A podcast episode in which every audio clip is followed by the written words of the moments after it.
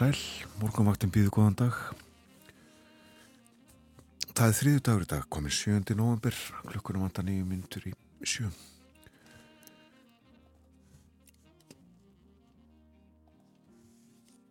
Þryggjastega hitt í höfuborginni klukkan 6 í morgun, svolít til súld og uh, góla.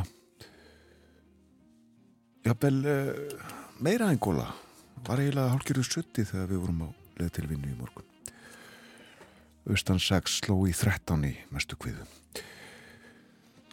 Á veður og aðtöðunastöðinni á Stafóldsei maldist einstegs hiti klukkan 6 og norðaustan 5 metrar þar, 2 gráður í Stikisólmi, 7 metrar allskíð, þryggjastega hiti á Patrísfyrði, einnig í Bólungavík, 11 metrar á sekundu á Patrísfyrði, norðaustan átt þar.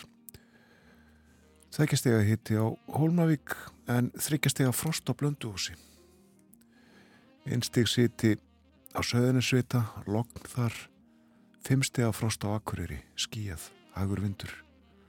Tveggjastega frost á Húsavík, hiti við frostmark á Rauvarhöfn. Einstegs frost á Skelþingstöðum, hiti við frostmark á Eilstöðum. Fjúrastega hiti á Höfni Hortnaferði, tveggjastega hiti á Kvískerim. Einstegs frost á Kirkjubæðarklustri. Sekstega hiti á Stórhauða í Vestmanneum, austan 13 einn gráða í Árnesi. Og uh, frost á hálendinu til dæmis tíu steg af frost og sandbúðum og sprengisandi rétt austan við rétt austan við uh, Hófsjökul svona við erum að landinu klukkan 6 og uh, það segir í hjóliðingum veðurfræðings að lægðirnar eiga erfitt með að komast alveg til okkar þar sem að hæð norðan við land heldur þeim að mestu frá okkur Samt ekki meirinn svo að það hversir af og til hjá okkur og þá engum með söður og söðaustur ströndinni sem og á vestfjörðum. Og e, það verða 5-13 metrar á sekundu í dag, austan og norðaustanátt, en hvassara siðst setnipartin alltaf 18 metrum á sekundu. Og e, almennt er frekar lítil úrkoma á landinu, þótt viðvarandi sé dálítil úrkoma á við og dreif, segir í hugleðingunum. Dálitla skúrir eða jél víða um landið en yfirleitt bjart viðri á vesturlandi eftir hátegi. Og hitin sveipaður áfram 0 til 7 stig að deginum mildast á söðausturlandi. Á morgun austan og norðaustan 8 til 15 metrar á sekundu en 15 til 20 siðst. Skúrir eða slittujöl austan til og sumstaðar fyrir norðan en annars yfirleitt þurft og heldur hlínandi, segir í veðurhorfunum og eh, næstu dagar á svipuðum nótum en útlitt fyrir að það hlíni heldur um helgina og þá uh, snýst þetta við þá uh, fyrir að regna meira uh, söðaustan til og sunnanlands en annars þurft og það er hálka. Hálka uh, víða um land uh, í öllum landslutum hálku blettir á nokkrum leiðum á Vesturlandi flestum leiðum á Vestfjörðum víða á Norðurlandi og flestum leiðum Norðausturlands snjóþekja í Fagradal á Jökuldalsvegi Istra og Krapi sumstaðar á Östurlandi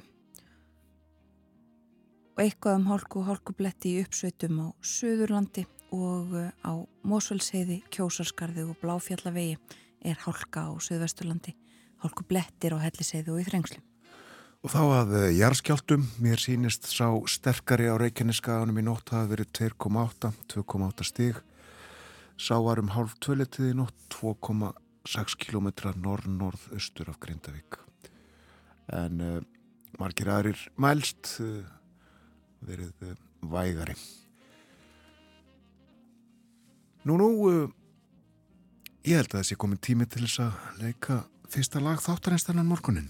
Já, Það eru Ella Fittstírald og Louis Armstrong sem að eiga fyrsta lag þess að þáttar. Dream a little dream of me.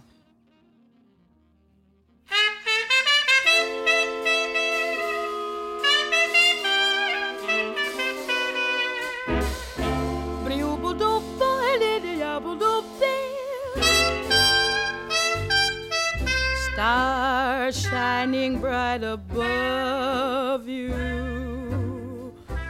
Night breezes seem to whisper, I love you. Birds singing in the sycamore tree. Dream a little dream of me. Say nighty night and kiss me. Just hold me tight and tell me you'll miss me while I'm alone and blue as can be. Dream a little dream of me.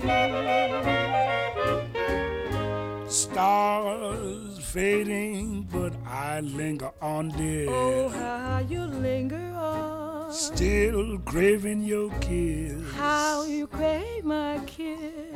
Now I'm longing to linger till dawn, dear. Just saying this. Give me a little kiss, sweet dreams, till sunbeams find you. Sweet dreams that leave all worries behind you.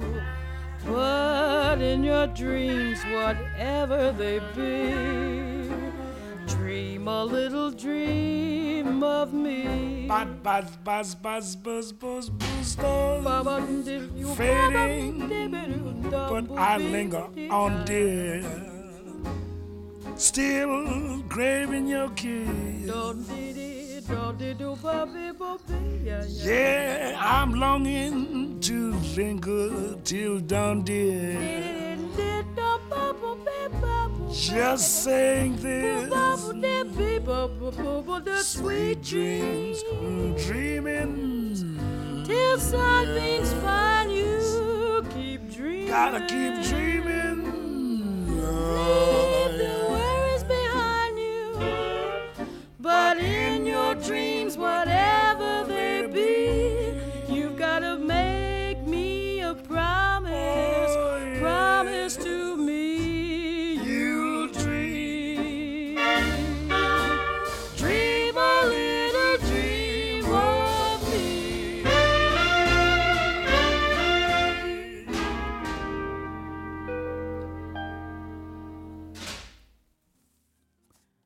Dream a Little Dream of Me þetta voru Ella Fitzgerald og Louis Armstrong áttu fyrsta lagið á morgunvaktinni þennan þriðutars morgunin Og við vonum að eh, draumfarir fólks hafi verið ánægulegar í nótt. En uh, nú er uh, dagur í sinn. Kolniða myrkur endar uh, úti og verður í já, alltaf tvær klukkustundir í viðbútt held ég. En þá byrtir loksins. Og uh, þokkalegasta veður í dag eins og uh, við uh, fórum yfir þegar við lásum veðurspána hér áðan. Það líður á fréttunum, kom eftir eh, 30 sekundur eitthvað svoleiðis, allt hefst þetta með klukknarslætti, sjö slög og svo fréttinnar að þeim loknum fyrir við yfir dagskráð þáttarins og lítum í blöðin.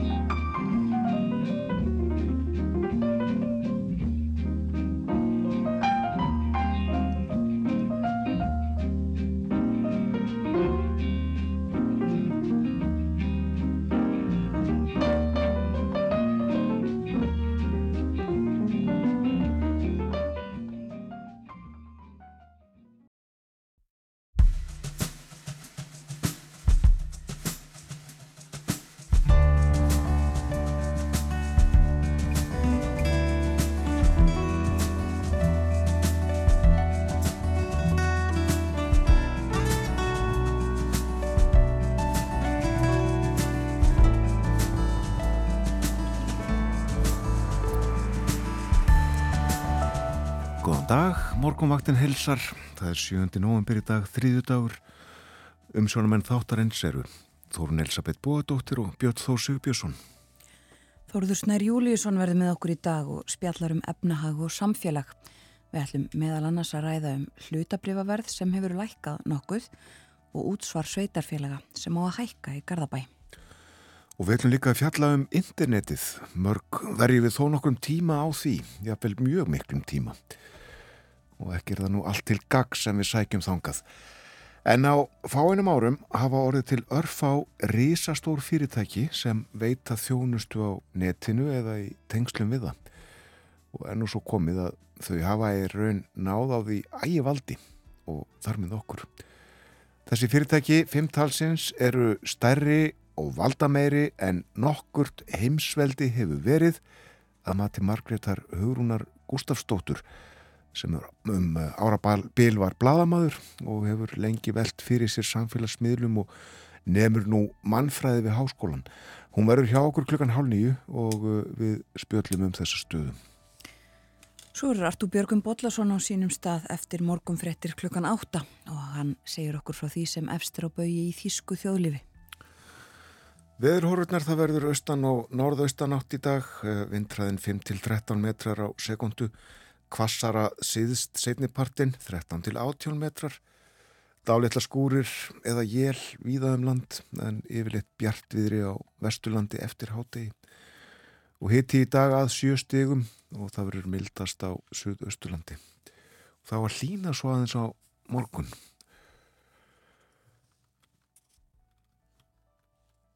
Nú, uh, hálka er á hálendisvegum auðvitað, heiðum eins og uh, vanalega á þessum ástíma. Mikið blátt í kortum veðagerðarinnar, ímist uh, dökkblátt sem merkir hálka eða ljósblátt sem merkir hálkublettir. Og eins og við fórum yfir hér fyrir morgun, ekkit mjög margir jarðskjáltar á Reykjaneskaðanum í nótt. Nei heldur rólegt. En uh, það var ramaslust á Östurlandi. Bilun uh, í uh, búnaði hjá, hjá landsneti og þar var upplýsingamilun í nótt og greint frá ganginum í greiningum og viðgerðum. En Þar segir í síðustu tilkynningunni sem að kom um uh, hálf fimm og bar fyrirsögnar staðan á Östurlandi búið er að byggja upp kerfið á Östurlandi að mestu leiti Teigarhorts lína 1 milli Teigarhorts og Ryggsteks er byluð verið að skoða línuna. Einnið er eftir að koma tengingu að lagarfossi og þaðan til vopnafjörðar en uh, Það má sjá uh, rafstöð, færanlega rafstöð á mynd á fórsíðu morgunblæðsins í dag, uh, varaaflið sem að uh, flutt var til Grindavíkur í gær, þetta eru tvær, tvær aflstöðvar sem að bera heitin Grímsei og Hrísei og uh, það er landsnett sem ég myndist á áðan sem á þessa stöðvar og hefur flutt til Grindavíkur svo hægt verið að grípa til þeirra. Ef uh, þannig fer um uh, eh, ráorku framleiðsluna á uh, Reykjaneska sem allt eins getur gerst með að við, með að við gangin í, í náttúruöflónum þarna upp á síðkastið það hafa verið dregnar upp margar sviðismyndir sem að nokkuð að fjallaðum á upplýsingafundinum í gær sem að sjónvarpað var og sagt var frá í öðrum fjölmjölum en sjónvarpi líka. Já, uh, mikill viðbúnaður og uh, eins og við lásum um í uh, morgunblæðinu í gær þá hvetur bæðastjórin í Reykjanesbæði fólk til þess að gera rástafanir komið til þess að kynnting húsa fer, fari úr skorðum. Og þetta hefur nú verið stóra frettin með þetta tíðindu frá miðaustulundum stóra fréttin hér síðustu daga en, eh, en held ég að eh, bláa lónið séu opið og eh, hægt að baða sér í því og enn ef ég hef skilið fréttinar rétt þá uh, lætur uh, starfsfólk bláa lónsins viðskiptavinnin ekki sérstaklega vita því að jarraringar séu þarna og og jábel vona á eldgósi en uh, rútubílafyrirtæki upplýst í gera að það er hægt að fara með farþega í bláa lónið og lauruglustjórin á uh, söðunum sem ég hann uh, sagði það, gerir það ekki Þorun Elisabeth að það var í sín skoðun að bæri að loka blálunum? Jú, það ætti það að óábyrst að halda út í starfsemi þar. Um, talaði líka um það að það væri um, gott að starfsemi HS Orku í Svartsengi væri í lámarki og keirði á lámarks mannskap og hann, já, teldi það óábyrst að hafa bláa lónið opið. En uh, já, hætta keira með ferðamenn fólk í bláalónið kynnisverðir ætla að gera það að minnst okkur til næstu þrjá daga svo verður staðan endur metin Annað hérna af uh, fórsvíðu morgunblassins uh, Ísland hefur fengið aðvild að Artemis samkómulagi bandarísku geimferðarstofnurinnar NASA. Og uh, þetta samkómulag varðar áallarinn NASA um tunglferðir og geimrannsóknir og uh, rætt hér við ráð þeirra háskólamála innar og nýsköpunar áslögu örnu sem að uh, segist að hafa skrifað undir samning um þáttöku Íslands í þessu samkómulagi og mun Ísland vera 30. ríkið til að undirrita samkómulagið og uh, hún uh, segir það mikla liftistöng að tengjast NASA með þessum hætti en uh, við verðum emitt út í geimi hér á morgunvaktinni í fyrramáli við ætlum nú ekki að tala um þetta samkomlag eða, eða NASA endilega, við ætlum að tala um uh, geimrétt sem er uh, grein í uh, lögfræðinni og til eru þeir íslensku lögfræðingar sem að hafa nuðmið geimrétt og kunna talsverð skil á þeim lögum sem að gilda um geimin og við ætlum að forutnast aðeins um þau hér. En það er á morgun, önnum ála og það skal hjá okkur í dag. Já, aðeins kannski aftur að uh, stöðum ál og reykjanesi, það er tölverð umfjöllunum þessi mál, eðli mál sem samkvæmt í víkurfréttum og uh, þar er meðal annars að finna uh, grein frá því gær frá Haraldi Haraldsinni sem er í Björgunarsveitinni Suðunesjum í Reykjanesbæ og segir að Björgunarsveitinni hafi borist fyrirspurnir um sé, hvernig sé best að undibúa sig heima fyrir ef það fyrir að gjósa. Og uh, þar eru uh, svör við þessum spurningum frá Björgunarsveitinni. Til dæmis að vera með cirka 10 lítra vatni á flöskum og brúsum gera ráðstafinni með að fá gistingu utan svæðis sé þess nokkur kostur. Og uh, alls ekki kaupa ramagsopna í hvert herbergi ef allt fyrir á vestaveg. Það verður ekki nægt ramag til að keira alla þessa opna. Ákveðu hvaða herbergi þið ætlaði að hitta og velji lítinn ramagsopni það rými. Og ímislegt fleira nöðsynlegt að eiga vasaljós og aukaraflöður og kerti og mynda á að þá verði kveikjarni verið á sínum stað. Og auðvitað uh, kynna sér viðbrasáallanir sem að búið er að gefa út og rýmingar áallun líka sem að uh, hefur verið byrt. Svo segir Björgunarsveitin til eru ekki þörfa á því að byrja sér upp af klósutpappir, gott reyga matur með langan fyrningatíma og skoðaðu stöðun á gasin á grillinu. Það er alltaf hægt að grilla. Hm. Grillu samloka með ost og skingu smakast einstaklega vel í náttúruhanfur, segir Haraldur. Og svo er mynd á er bent á að e, Rauðikrossin er með, e, já, notar hugtæki þrýr dagar og e, það er að sjá það á, á vef Rauðakrossins Þetta fjallar bara almennt um viðnámstrókt Íslandinga við náttúruhamförum og talað um það að hvert og eitt heimili alltaf eigi að geta verið sjálfur sér nægt í þrjá daga ef að hamfarir og neðar á standinur yfir. Og þetta skoða þetta um, á vef Rauðakrossins undirbúningur um, og svona bara viðbröð almennt við uh, því sem geti gerst öllum stundum á Íslandi og uh, við ætlum að fara út í heim eins og við nefndum hér áðan þá hafa þessi mál verið þau stæstu uh, í frettum ásamt því sem að er að gerast fyrir botni miðararhafs skoðum það eftir smá stund en fyrst skulum við heyra smá tónlist við ætlum að heyra í hljómsutinni R.E.M. eða R.E.M. lagið heitir Leaving New York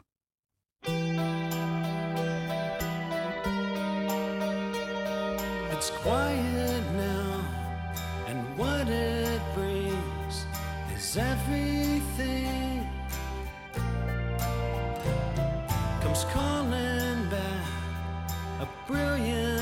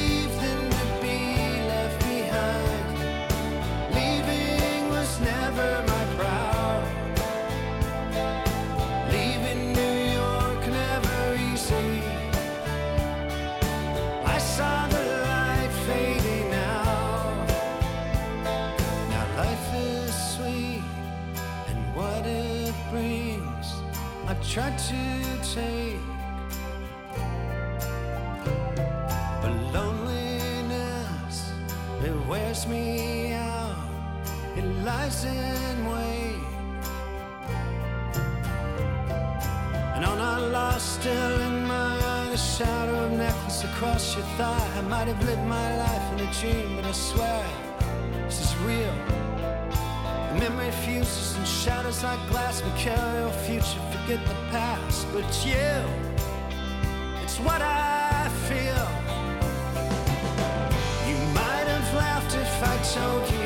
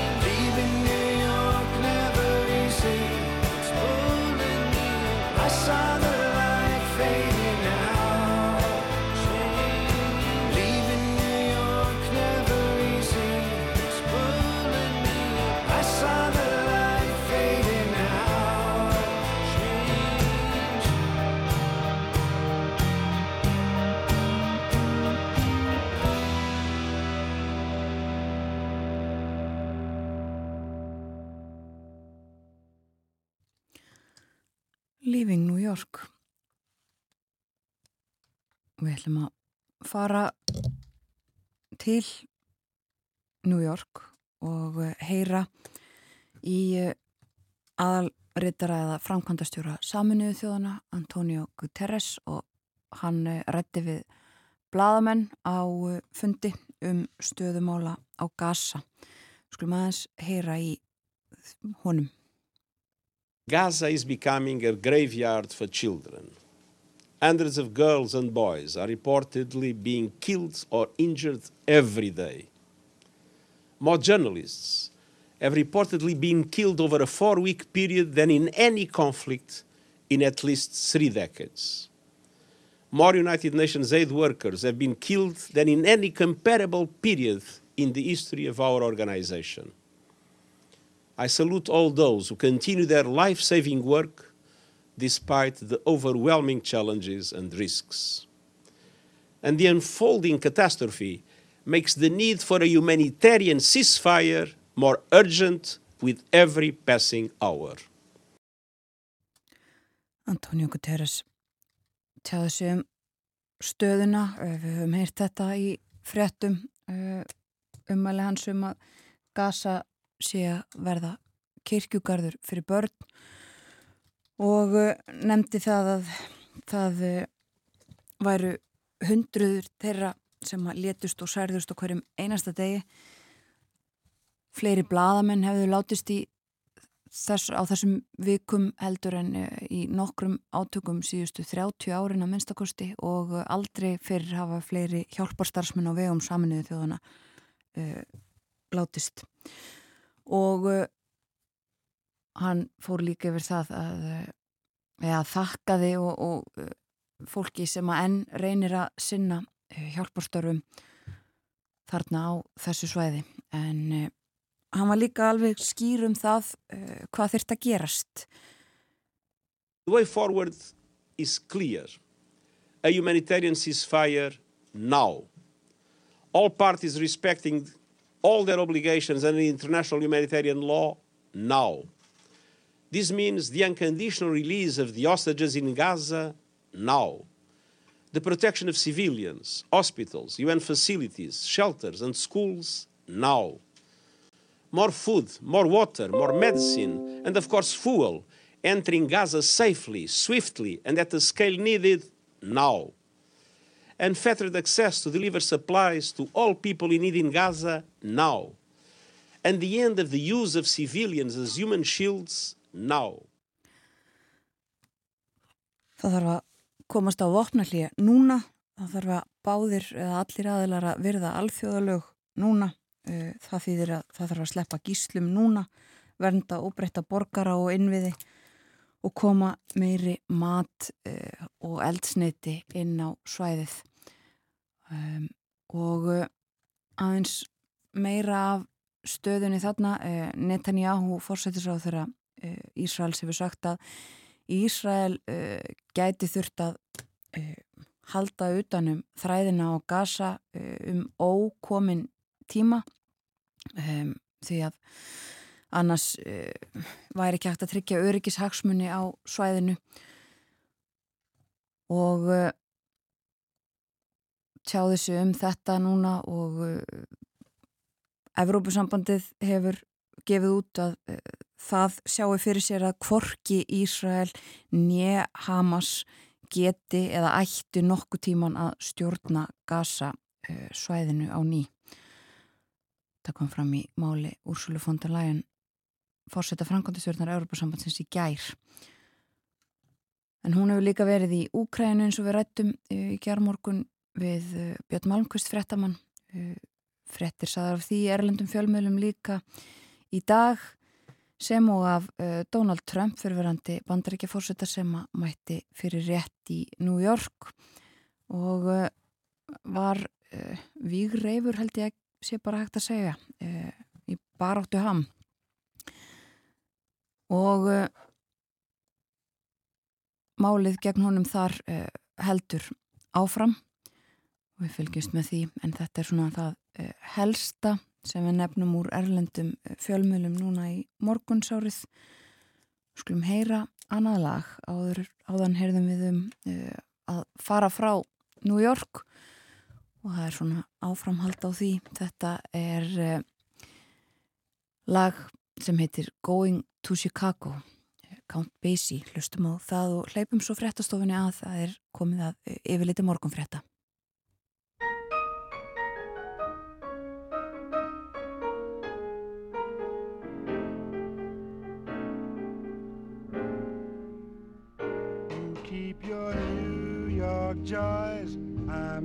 to Illinois just as fast as I can. You New York women think you'll make a fool of any man. Play all kinds of games and you cheat if you can. Use love like a tool, make a man a fool. What a beautiful motto. Got my money, that's it. How can you mind if I split? Going back where a woman really knows the way to treat a man. And people are friendly without no hidden plan. It's the best in the Midwest. It's a real down city full of good folks who come from home. And when I get back, I'll never roam far from my little shy town. Goodbye, farewell, I must see you later. Going to Chicago. Sorry, but I can't take you. I come from Chi-Town,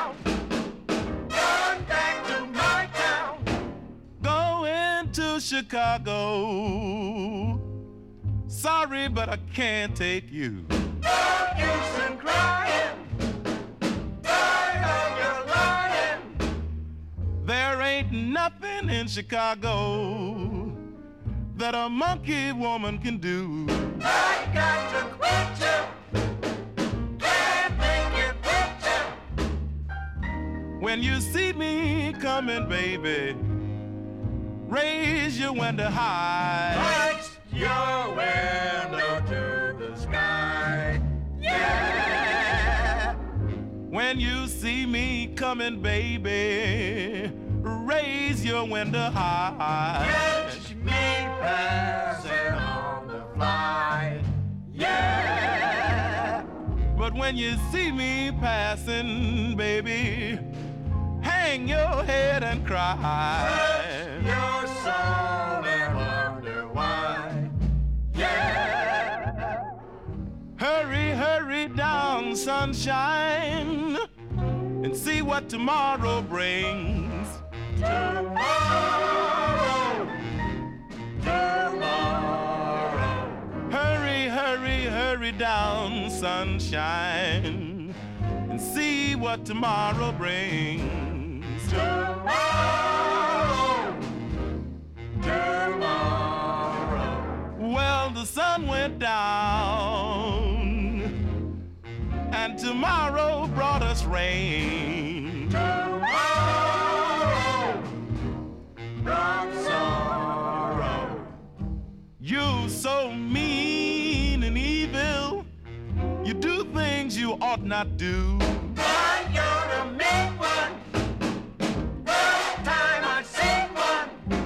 You're so mean and evil. You do things you ought not do. You used to be cool. Now find a new fool. Got my brand new money, but I won't have to put up with you. You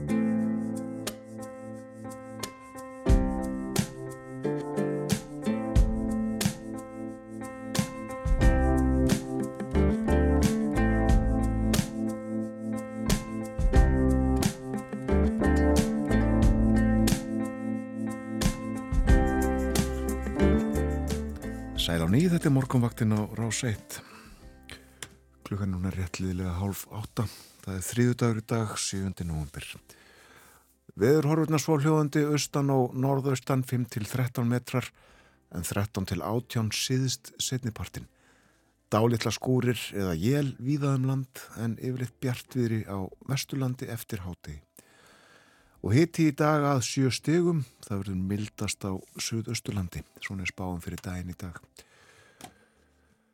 Að því sem er framöndan minni á að Artúr Björgum Bollason verður með okkur eftir morgunfrettinnar klukkan átta, Berlínar spjall á sínum stað á morgunvaktinni á þriðutugum. og uh, við ætlum að tala um uh, stjórnmál í Þýskalandi. Það uh, stór pólitíska mál hvernig og já, hvort í raun taka eigi á móti flótamunn til Þýskalands. Sjóls kanslari fundaði í gær með uh, fórustu fólki í uh, fylgjum Þýskalands. Við heyrum af þeim fundi í spjallið okkar með Artúri á eftir. Svo ætlum við að tala um internetið uh, milli hálf nýju og nýju og ægivald fimm risastóra fyrirtækja sem að hjálpa okkur að tengjast netinu eða sjá okkur fyrir efniðar. Þau eru kalluð saman Gamma, þessi fyrirtæki sem að uh, Margrét Hugrún Gustafsdóttir segir okkur frá. En uh, nú er komin til okkar Þorður Snar Júlíusson. Góðan dag Þórður og velkomin. Takk. Um, Við ætlum að tala um ímislegt. Við höfum verið að nefna hér í morgun uh, og eins og fleiri fylgjumst grant með stöðumála á Reykjanesi og uh, því ef það fyrir að gjósa við fórum hér yfir áðan uh, viðbröð fólks og heimila en við ætlum að tala núna um efnahagslega áhrif þess ef að það gís í svartsengi. Þar er auðvitað uh, greiða mikil starfsemi og uh, efnahagslega áhrif getur orðið mikil. Já, þau getur orðið bæði svona sértæk og almenn. Já, Eh, ef við kannski byrjum að horfa á sértæku afleggingarnar þá er auðvitað eins og þú sagðir mikil starfsemi í Svartsengi og auðvitað í Grindavík. Eh, í Svartsengi er orkuver og eh, stórt orkuver á Malikvarða HS Orku, það er bæðið framleiði ramagn og uh, heitt, heitt vatn fyrir svæðið þarna í kring og uh, virði uh, fastegna sem eru þarna og kerfana sem eru leipur á 20 miljardar gríðarlega mikilvægur hjartsláttur í atvinnulífin á Suðunessjum og auðvitað bara í uh, raforku eða orkukerfi landsins sem uh, er meir og minna uppselt eins og staðan er í dag. Þannig ef að svartsengis virkjunin og svo starf sem, sem fer þar fram verður fyrir miklu tjóni þá getur það haft mjög viðtekar afleðingar svo eru þetta bláa lónið þarna sem er afleðing af svart engis virkjuninni þetta er hérna pollurinn eða lónið sem fór að myndast þarna á 8. áratugnum sem fólk fór síðan að baða sig í snemma á þeim nýjunda og var síðan að e, ferðarþjónustu starfsemi í uppafi hins tíunda e, og er núna eitt stærsta ferðarþjónustu fyrirtæki í landsins, bláa lónið e, og þar eru þetta búið að eiga sér stað mikil uppbygging bæði á baðstöðum og hótelum og veitingastöðum og öðru slíku og gríðaleg, gríðalegt virði í uh, þeim fastegnum sem þarna eru og ágætt samatekt um þetta í uh, morgumblaðinu í gær þar sem var bent á í ásveitningnum fyrir síðasta ár að fasta fjármenni félagsins voru metnir á um 20 miljardar króna og, að vátringaverð fastegna væri uh, 21 miljardur þannig að það er mikið undir en svo eru þetta starfsemi þannig að koma mjög margir þeirra ferðamanna sem koma til Íslands heimsækja bláalunni og e, það var reiknað út í þessari samantækt í morgurblæðinu að, hérna, að tekjuliðir, þetta tekjur uh, samstæðunar fyrir hótelvöru og veitingasölu og heilsulindina uh, voru tæplega 17 miljardar á árinu 2022 eða um jafnaði 46 miljónir á dag. Þannig að það munar auðvitað um minna ef að það verður högt og, og einhvers konar eigðilegging á þessari starfsemi. Það er fljótt að telja mjög hratt og þetta er komin upp svo staða að bláalónu hefur verið trekt til að loka þrátt fyrir aðvarnir um yfirvóðandi mögulega hættu. Já, og sá það í gæra að, að það eru svona þjónustu aðilar sem eru mikilvægir fyrir fluttning ferðamanna í bláalóni sem eru fann að taka þar ákvæðinni fyrir þá þegar hérna, kynnisferðir ákvæðu að hætta að kera ferðamenn þangað. Uh, þannig að hérna, þetta er svona taldið fjárastega staðan sem þeir eru að takast á við. Svo eru þetta önnur fyrirtæki sem eru þarna í kring. Uh, að vera að byggja upp auðlindagarða í kringum orku er HS Orku annars vegar Reykjanesi og hins vegar í svartsengi og e, í svartsengi eru meðal annars orf líftækni og, og carbon recycling. Þannig að hérna, þetta eru allt auðvitað fyrirtæki sem geta orðið fyrir áhrifum. Og á þessar upptalningu sem ég var að fara yfir hérna séstu þetta þannig eru miklu fjárhagsleir hagsmunir undir og efnaðsleir hagsmunir sem hafa áhrif á uh, íslenska hagkerfi í heild. Mm. ferðarþjónustar stærsta stóðin í, og gjaldir skapati stóðin í ísles, undir íslensku efnaðslífi eins og staðan er í dag. Og svo horfum við inn í Grindavík þá horfum við þetta stórar útgerir í Grindavík. Það eru vísir sem nýlega var selgt til síldavinslunar sem er hluti af einu stærsta sjáurðsfyrirtækja á landinu sem er skráð á markað og meðal annars í eigu lífurusjóða uh, og það er Þorbjörn sem er líka stort uh, útgerafyrirtæki og fleiri uh, smæri uh, og það er óumflíjanlegt að gós á þeim stað þar sem óttast er að gjósi muni hafa mikil áhrif á slíka starfsemi inn í Grindavík. Skortur á hitt og ramagni ef, að, ef að það verður ykkur áhrif á svartsengi munu augljóslega hafa áhrif á atvinnustarfsemi í Grindavík. Ef að vegurinn út úr Grindavík uh, sem eru eftir í áttina að Keflavík uh, verður fyrir áhrif þá það áhrif á það að flytja vöruna sem er framleitt uh, af útgerðunum eða sjálfsfyrirtækjunum á flugvöll og, og annað slíkt og þá er suðustandarvegurinn einn eftir. Þannig að þetta eru geta auðvitað í ákveðnu sviðsmyndum orðið mjög mikil áhrif og það getur auðvitað líka við veitum ekki hvernig gós verða hvað, hvað áhrif þau munu hafa á flugumferð eða, hérna, eða hvort að þetta verði einhvern veginn þannig að, þetta muni hamla umferð á Reykjanesbrutinni það er endar þar að gjósa ansi hressilega til þess að, hraun flæði frá svartsengi og, og, og í kringum Þorbjörn og, og út á Reykjanesbrut en hérna, en maður uh, veit alveg að ég að mest okkost ekki er ekki nægilega versiraður í, í þessum eldfjallafræðum og maður hefur sínst það að það er ekki þetta útiloka neitt.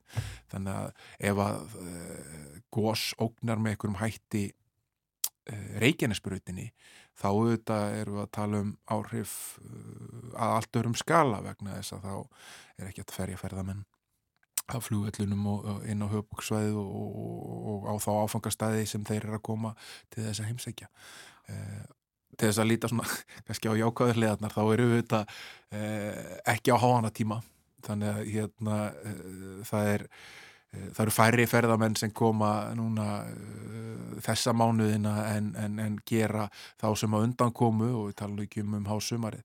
Þannig að hérna ef að svona lagað ætti að gerast þá er, er, er þetta kannski með skári tímum á árinu ef hort er á efnagsleg áhrif á ferðarþjónustuna einvörðungu. Já, en sko eins og þú nefndir, bláa lónið er áfangastadur mjög margra ferðamanna. Uh, ef að það myndir loka eða þurfa að loka í einhvern tíma erum við bara horfa fram á að það eitt og sér gæti haft áhrif á ferðarþjónustuna, fólk færi að afbóka ferðiringað eða eitthvað slíkt Það, það verður þetta að koma í ljós. Uh, við höfum við Íslitingar verið að byggja upp hansi mörg luxuslón á undanföldnum árum. Það er að fara í önnur lón sem eru auðvitað ekki kannski nákvæmlega eins og það bláa en, hérna, en er bjóð upp á svona þessa prímjum upplifun. Þannig að mögulega myndi það bara auka aðsókn í þau það hefur verið hérna, vinsall áfangastæður þeirra sem hafa þegi bóðum það að stoppa við og Íslandi til skams tíma sem er að fljúa frá bandarækjunum við til Evrópu eða hinaleðina að gera bláa lóna eða viðkomastæðinsun og það eru þetta nála en við flugvöllin mjög mikilvæg mm -hmm. að, hérna, að fólk tekur lónið í leiðinni stutt að fara og, og, og lítill svona hérna, krókur sem er tekin uh, þegar að vera að kera í átt að höfksvæðinu eða í átt að kepla eitthvað fljóðlega og leiðinni tilbaka þannig að hérna, það verður daldið að koma í ljós en það er engum blöðum um það að fletta að bláalónið er einn vinsalasti ef ekki vinsalasti áningarstaður erlendra ferðamanna á Íslandi mm. og uh, það er erfitt að draga aðra álíktun en sem svo ef að einn Eh, svona eitt af krúnudjásnónum í, í, í, á þeim viðkomustöðum sem við erum með hér fyrir ferðamenn dettur út uh, til lengri tíma.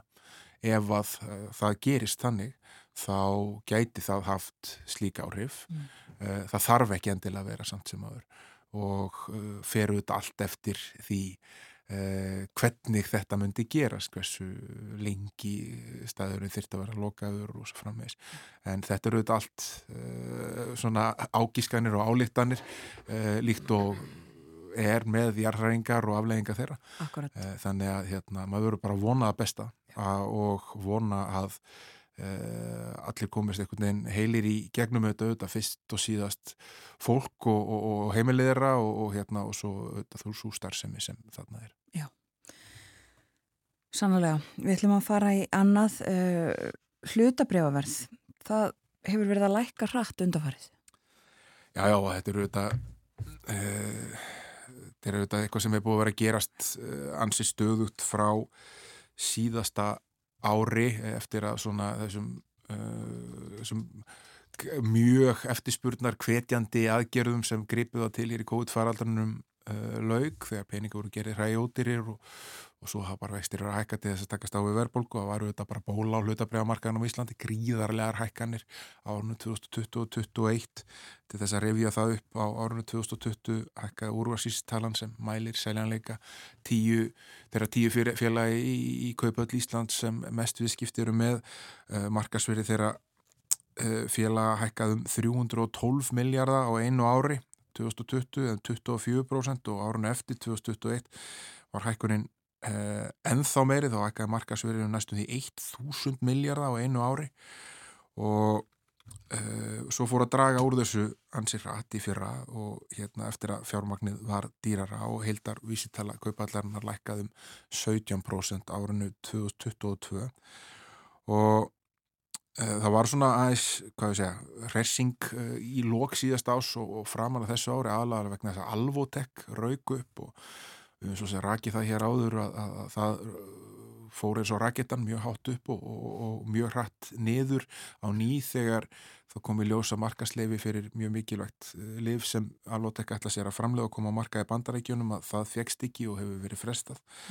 Uh, en ef við horfum bara á tölurnar um heldar markasverði skrára félaga í lok februar 2023 var það komið upp í 2758 miljara sem eru þetta gigantískar tölur.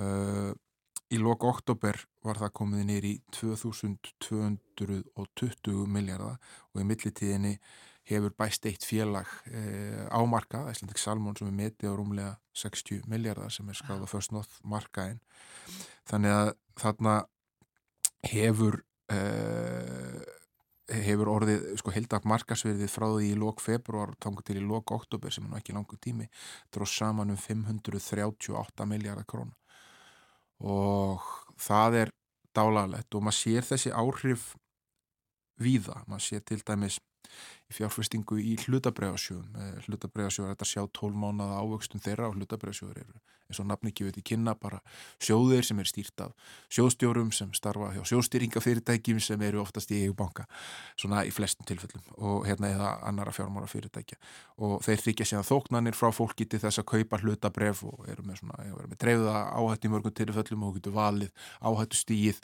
eftir því hvað þú ert uh, tilbúin að, að hætta miklu á markanum og hérna, því meira sem meira áhættu sem tekur því herri getur ávinningurinn orðið eða því minni áhættu sem tekur þá kannski átt að tryggja svona jafna áhustun en vandamálu við hlutabriðasjóðuna þeir eru allir að tapa eru að skrifa, allir að skila neikværi áhustun og af þessum sjóðum sem eh, við starrækjum hér á Íslandi sem eru bara hlutabriðastjóður þá hefur ávöxtunin á síðastlífuna ári verið frá því að vera mínus 8,2 þar að segja eignindar hafa lækkað um 8,2% niður í það hafa lækkað um 29,7% og það er næstum í þriðjungur og eignónu sem er farið. Og við höldum áfram að rekja afleggingarnar af þessu að Já. þetta eru meðal annars orðið til þess að, að fólk sem á hlut, fólk og fyrirtæki sem eiga hluteldaskirtin í svona sjóðum hafa verið að selja þau og hafi verið mikill flótti úr þessum hlutabreyfasjóðum alveg frá því snemma á síðasta ári. Og núna nýverið hefur uh, þetta verið þannig að uh, að útflæðið er margfalt með það sem er að koma inn. Uh, ef við horfum bara á september núna síðastlegin þá hefur uh, fjárfestingi hlutabrið sem ekki verið minni frá því í september 2010 og það var einungis 160 miljónum sem var fjárfest í hlutabriðarsjóðum í september á meðan útflæðið var 2,3 miljardar þannig að það flættu út þarna cirka 2, rúmlega 2,1 miljardur meira út úr þessum sjóðum að fóru inn í það og ef við reykjum okkur áfram þá hefur þetta, þetta áhrif á uh, alla sjóðstýringuna, sjóðstýringafyrirtækin þóknana tekjur þeirra er að dragast verulega saman. Við Já. fórum yfir það hér síðast hver afkoman var hjá bönkunum og þar var merkjanlegt að þóknana og þjónustu tekjur bankana voru að dragast saman á þriði ástjónungi stóru bankana og kvikabanki sem skilaði síðan sínu uppgjöri eh, þar er, eh, eru þóknar og þjónustu tekjur að draga saman um 10% á fyrstu nýju mánuðum ásins með við sama tímubili fyrra. Eh, þannig að þetta er að hafa mikil afleitt áhrif og verður frólætt að sjá bara hvernig hlutabræðamarkaðurinn mun taka við sér, hann er auðvitað líka eins og raketan, hann fer upp og hann fer niður seiflast eftir ástandinu í efnaðasmálun þegar peningar voru mjög ódýrir og, og, og, fólk með mikið afgangs á milli handana sem var hér sannlega á tímabili þegar COVID aðgerðina stóðu sem hæst hjá mörgum þá hérna uh, var, var markarinn miklum blóma en núna eru aðstæður öðruvísi og, og það býtur fast. Já, Já aðstæður eru öðruvísi um, og það eru, við höfum svo sem oft farið yfir ímislegt sem við kemur fjármálum sveitafélaga hér og uh, nú hefur Garðabær um, bæjarstjórnin þar tilkynnt að það eigi að hækka útsvar til þess að auka tekjurnar. Þar er hart í ári eins og uh, víða hjá sveitafélagunum. Já, þá að hækka uh, útsvarið hjá Garðabæ uh, þannig að það verði 14,48% það er 13,92% núna.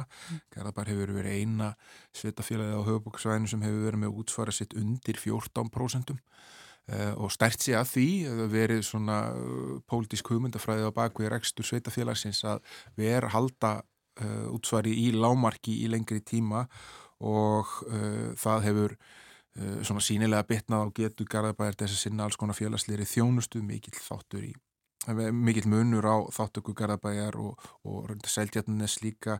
Til dæmis ef þú ber saman við Reykjavík þá var hver íbúi Reykjavík greið 85% fleiri krónur í félagsjónustu árinu 2022 í skatt, með, sköttunum sínum en íbúar á þessum í þessum tveimur en í Garðabæg og 75% meira en á Seldjarnesi þannig að hérna þetta eru þetta tíðindi þegar Garðabæg tekur svona ákvörun en, en tilgangurinn er sá að, auka tekjur um 1 miljard króna til þess að takast á við mjög hratt vestnandi skuldastöðu sem hefur já, verið mjög vestnandi á undarföldnum árum og maður sé það á öllum þessum mælikvörðum sem eru, hvort sem það er skuldarhlutvall eða skuldir per íbúa eða veldufjárhlutvall að þá hefur það á öllum þessum mælikunum verið að vestna mjög hratt hjá, hjá Garabæ og Garabæ eru þetta líka verið að stækka rosalega mikið, hann er að breytast í ellisínu sveitafélagi er að verða mjög stórt. Það er 20% aukning á íbúafjölda á ekki svo lengur tíma. Og, og það er verið að byggja fyrir uh, alls konar aðra hópa í Garabæ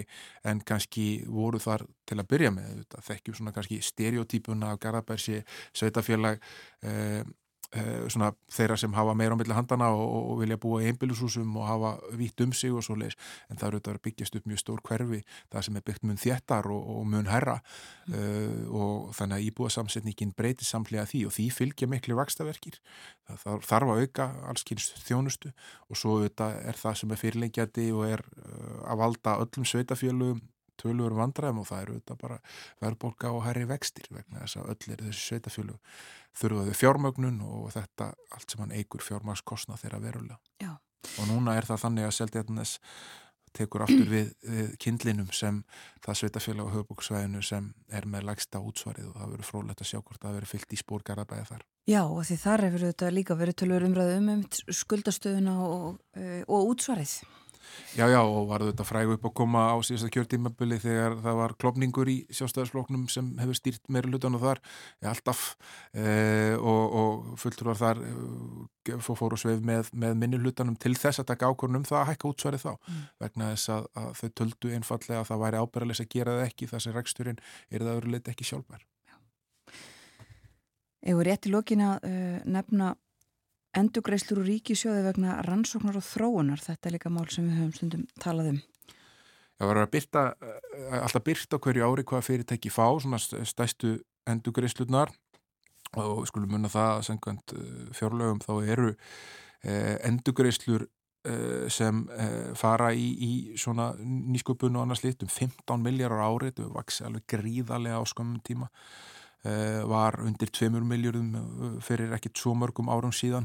Og, og hugmyndin er svo að, styrkja alls konar fyrirtæki til þess að auka fjölbreytileikan í íslensku atunlifi og hérna og svo framvegs uh, og það, ímislegt sem vekur aðtegli þarna, það eru þetta alltaf sumu fyrirtæki sem eru þarna ár eftir ár sem eru stór og eru að starfa í alls konar hugbúna gerð eða eru að starfa í eh, svona já, hugbúna gerð tengt hilbriðistjónustu líka, má nefna Nox Medical, Sidekick Health Cori Pharma ímislegt uh, svona kontrolandu þetta og þetta eru allt fyrirtæki sem er að fá yfir 250, 250 350 miljónir ári í þessar endugreislur úr ríkisjóði uh, en það sem vakti aðtegli mína núna er það líka allskins önnu starfsemi sem er að fá tölvert af endugreislum fyrir þetta tölvuleiki starfsemina sem eru alltaf verið stóra, þannig að CCP fær 500 miljónir ári í tveimur mismundi félum og fleiri tölvuleiki fyrirtæki sem fá umtalsvert.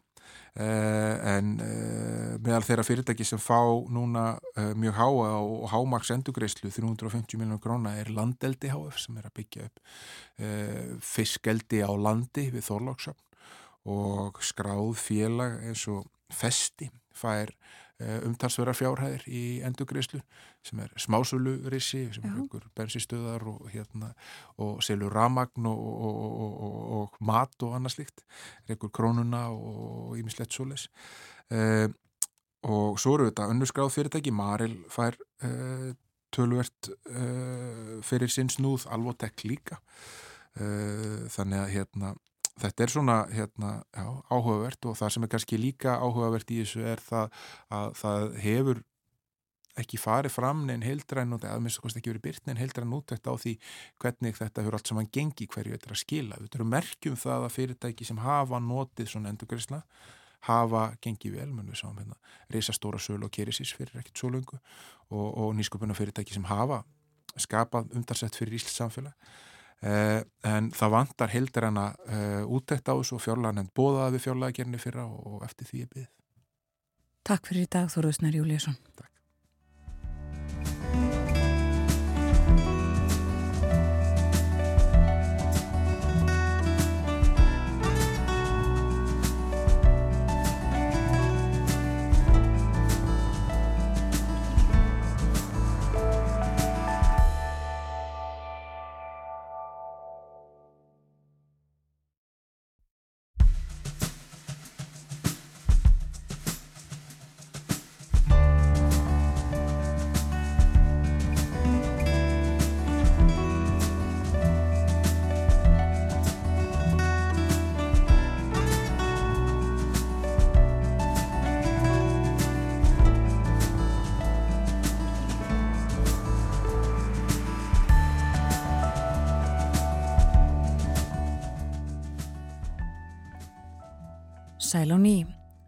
Morgun frettir frá frettastofin að baki og áframheldur morgunvaktin þennan þriðudags morgun.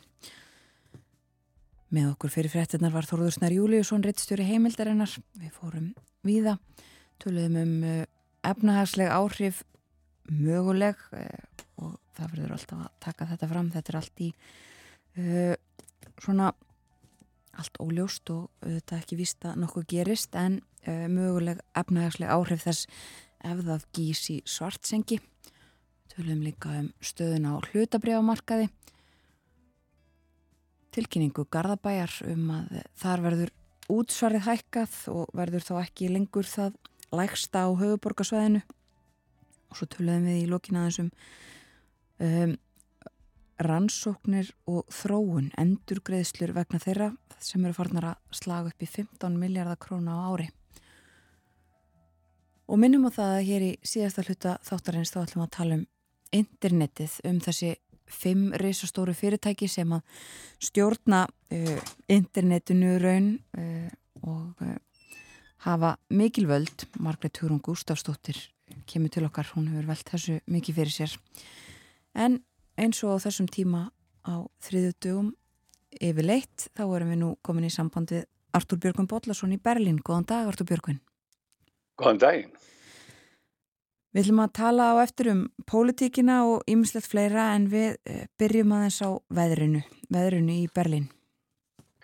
Jú, verið það er vinsalt umræða efni á Íslandingum og söðverðar eru nú líka tölvert áhuga samir um tíðafærið þó að viður séu hér nú yfirleitt ekki jafn válind eins og á hérna meilendinu eins og á eiginu okkar í norður höfum en, en samt skiptir veðrið og tíðafærið auðvitað miklu máli hér eins og annar staðar og ekki bara fyrir gróðurinn heldur líka fyrir sálartetrið og Það hefur verið tildulega bjart yfir fólki hér í Belgín síðustu vikunar en það haustað alveg með endæmum vel þetta árið.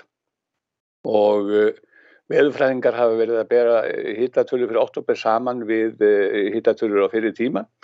Því að meðalhittin í oktober var núna rétt um 12 gráður á Celsius og það er tæplega 3 gráðum hlýra heldur en var að jafnaði á, á árunum 1960-90 og 2,5 gráðum herri hitti heldur en á árunum 1990-2020 þetta meða við svona 30 ára tímabili í þessari veður tölfræði og e, í talandum hríindina þá gerðist það einn dag í oktober í sunnaverðu Þískalandi hittin fór yfir 30 gráður sem er nánast einstæmi um miðan oktober hér í landinu. og það gerðist líka nokkur sinnum í miðþískalandi að næturhittin var yfir 18 gráðum og það er sömulegis mjög sjálfgeft á þessum ástíma. Já.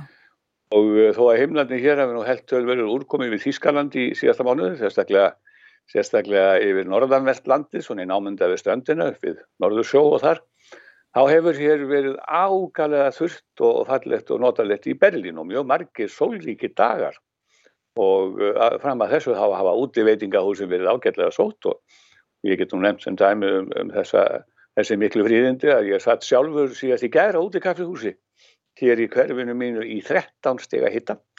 Og þetta verður maður náttúrulega bregða sér í peys og svona dögum en, en það er einhvers síður hægt að njóta og, og, og lepja lattan sinn á, á, hérna, á út í kaffihúsum uh, alla daga. Og uh, það er, það var ekki fyrir en svona bara núna um nýliðna helgi sem að laufið fór að falla fyrir alvöru hér af trjánum. Og uh, Það er svona, má segja sé alltaf einhver melankóla sem fylgir því þegar að haustlaugu fellur og gróðurinn fyrir að skipta litum sem er afskaplega, það er afskaplega mikið sjónarspil alltaf hér náttúrulega í þessu gróður mikla landi. Og það verður líka, maður verður líka verfið það svona fólki verður svolítið angurvert og, og, og kunningi manns á kaffíhús hún fara að byrja að ræða svona personulegri mál, ég vil fara, að rifja svona greina sálarlífi svona á personulegri nótum en venjulega þegar Þetta vildi ekki mál sem eru rætt þegar í heiðu og maður nýtt og ylur fyrir vangana en, en sem sagt afar fallið haust hér í Bellín búið að vera og endist í nokkara daga en því miður ekki mikið lengur en það er mjög sjálfgeft að mann sitja út á kaffihúsum um jólinn. Já, akkurat og uh, ángur var stemning í, uh, á kaffihúsunum í Berlín um, en við ætlum að tala um uh, pólitíkina. Sjólds kanslari var á löngum fundi í gærum um innflytjandamál, ekki satt? Og það var nú minni ángur var á þeim fundi heldur en á út í kaffehúsunum hér því að þetta er grafalveldat mál sem var verið að ræða og uh, þetta var fundur sem sem að kanslarin held með fórsettarsáðurum fylgjanna 16 og hann byrjaði nú miklu setna en átt að gera vegna þess að fórsettarsáðurinn komið fyrst saman og rættu málinn sín á milli og þá kom upp ágreiningur sem ekki hafi verið gert ráð fyrir milli A-landana svoköldu og A-fylgjana og B-fylgjana þeirra fylgja sem að jafnaðamenn eru í stjórni og síðan hinna sem, að, sem er styrst af, af kristalum demokratum og þessi ágreiningur var til þess að fundurinn með kanslarinn senkaði um eitthvað fjóra tíma þannig að hann stóðu langt frá nótt og það má segja að, að kanslarinn Það hefur verið heldur svona framlár og þreytulegur þegar hann tróði upp á bladamannfundu um klukkan þrjú í nótt eftir langan og stangan fund.